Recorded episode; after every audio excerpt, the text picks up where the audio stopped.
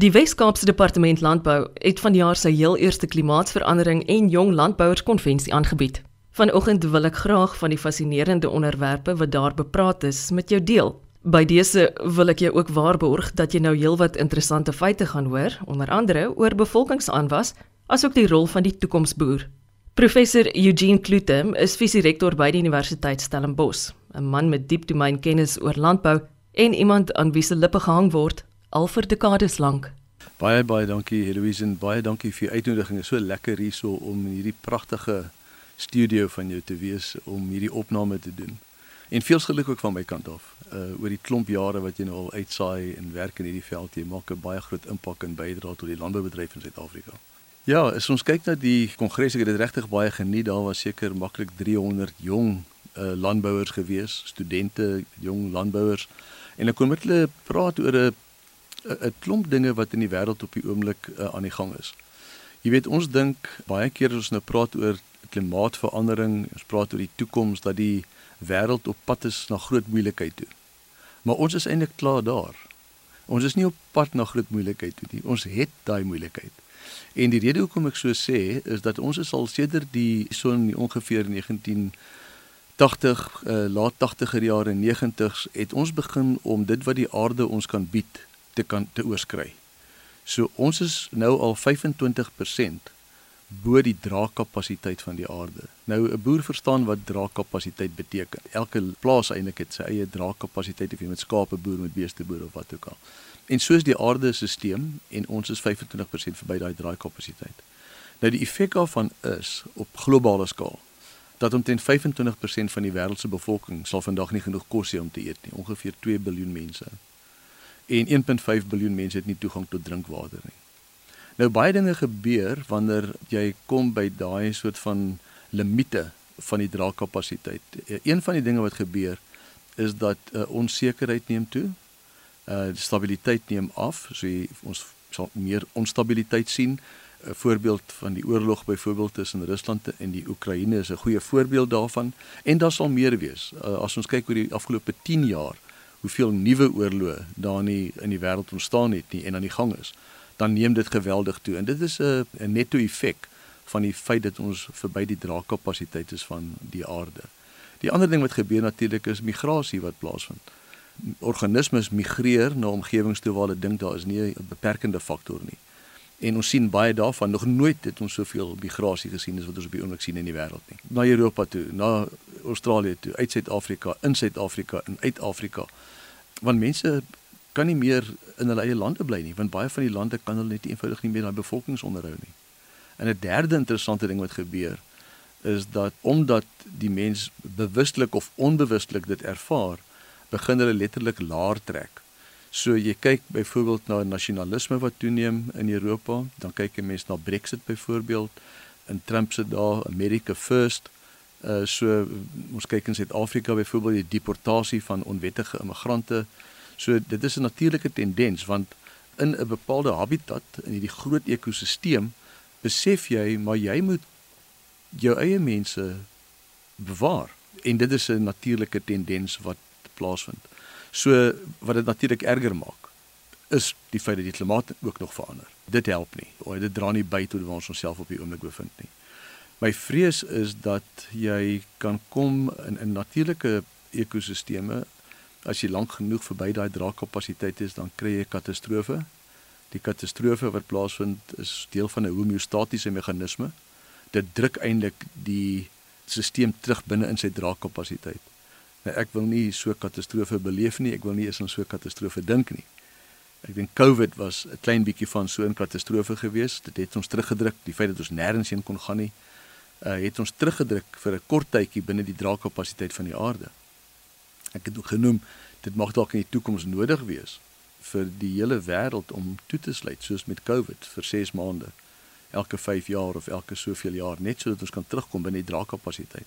So dis die uitdagings wat ons mee sit op 'n globale skaal. Maar dit moet ons net terugbring natuurlik dat die wat doen ek nou? Weet ek is 'n boer, ek is hier in Suid-Afrika. Wat doen ek en wat is die groot gebeure wat besig is om plaas te vind op die oomblik in die landbou? En ek kan dalk daar een of twee dinge oor sê. Daar's 'n paar groot uitdagings uit die aard van die saak. Uh, wat lekker uitdagings eintlik is as mens van dit weet kan met iets omtrent dit doen.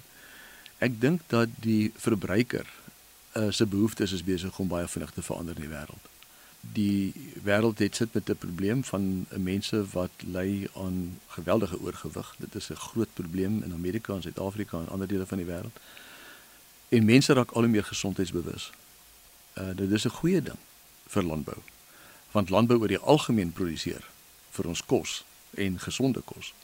Maar daar is verskywings byvoorbeeld om weg te beweeg van sê maar en ek ondersteun dit nie maar om meer weg te beweeg sê van vleis af na vrugte en groente en so aan. Maar die punt wat ek eintlik wil maak is dat ons sal baie goed moet verstaan wat die verbruiker se behoefte is. Dis die een groot uitdaging.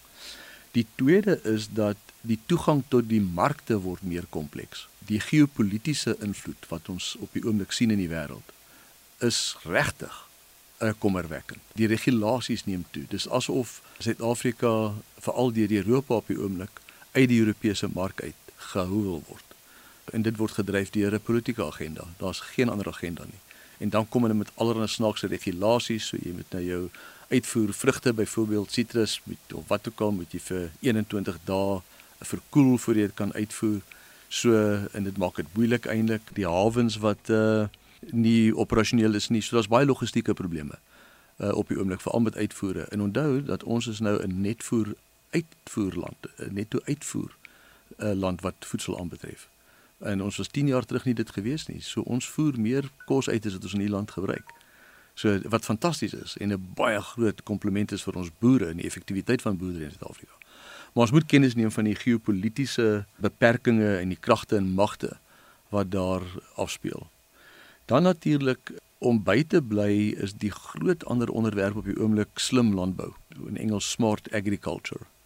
Nou kortom, waaroor gaan dit? Dit gaan daaroor dat jy kan omtrent enigiets op jou plaas nou monitor en daar is sensors wat jy sal sit op elke boom uiteindelik. Jy sal monitor wat die voggehalte is in die grond, wanneer jy moet besproei, hoe vinnig die plante groei.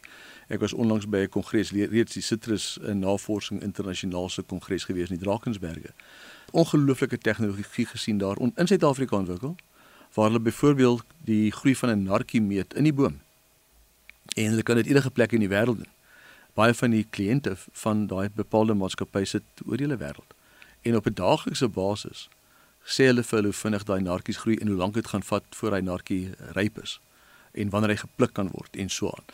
Maar die, die punt is dat al daai monitering genereer jy geweldige hoeveelheid inligting of data So datawetenskaplikes gaan uiteindelik deel word van boerdery. Dis 'n hele nuwe veld vir datawetenskaplikes om toe want jy kan wat maak jy met al daai data en dit moet geïnterpreteer word. Jy moet besluite daarop kan neem ensovoorts. So daai neem toe en dit is 'n baie goeie ding. Dit gaan ons landbouproduksie verhoog om die wêreldbevolking wat vinnig groei om dit te voed. Net net interessantheid, ons trek nou tussen 7 en 8 miljard mense in die wêreld. 5.7 miljard meer mense as toe ek gebore is. In een generasie, in een leeftyd, het die bevolking toegeneem van 2.5 miljard na amper 8 miljard mense. Dit is skrikwekkend as mens dit ekstrapoleer in die toekoms in. So ons gaan meer kos moet produseer en daarvoor gaan dit nodig wees om baie meer intensief te monitor en daarvolgens te bestuur. Die volgende groot ding is natuurlik uh, om klimaatslim te boer. En daar's eintlik twee dinge daar wat werklik aandag sal moet geniet. Die een gaan oor water waterverbruik. En ek dink dis waar hierdie slim boerdery inkom waar jy kan sensors hê en beter besproei en so aan. Maar water is 'n probleem groot probleem in Suid-Afrika. Ons sal ook sien dat mense migreer weg van areas af waar daar nie genoeg water is nie. Want jy kan tot op 'n punt toe mikrobesproei en al die ander dinge doen en dan raak jy water op en dan beweeg mense weg verlaat die plase selfs die stede en gaan bly op ander plekke die die volgende ding wat natuurlik baie groot gaan wees rondom klimaat is energie. Dat die koolstofvoetspoor sal ons moet beperk in landbou. Dit gaan oor byvoorbeeld die gebruik van fossiele brandstowwe in ons trekkers en ons voertuie en so aan. En dis 'n groot uitdaging want jy kan nie oornag beweeg na 'n elektriese trekker toe nie of 'n elektriese bakkie toe nie. Uh, want ons het nie die infrastruktuur daarvoor in Suid-Afrika nie.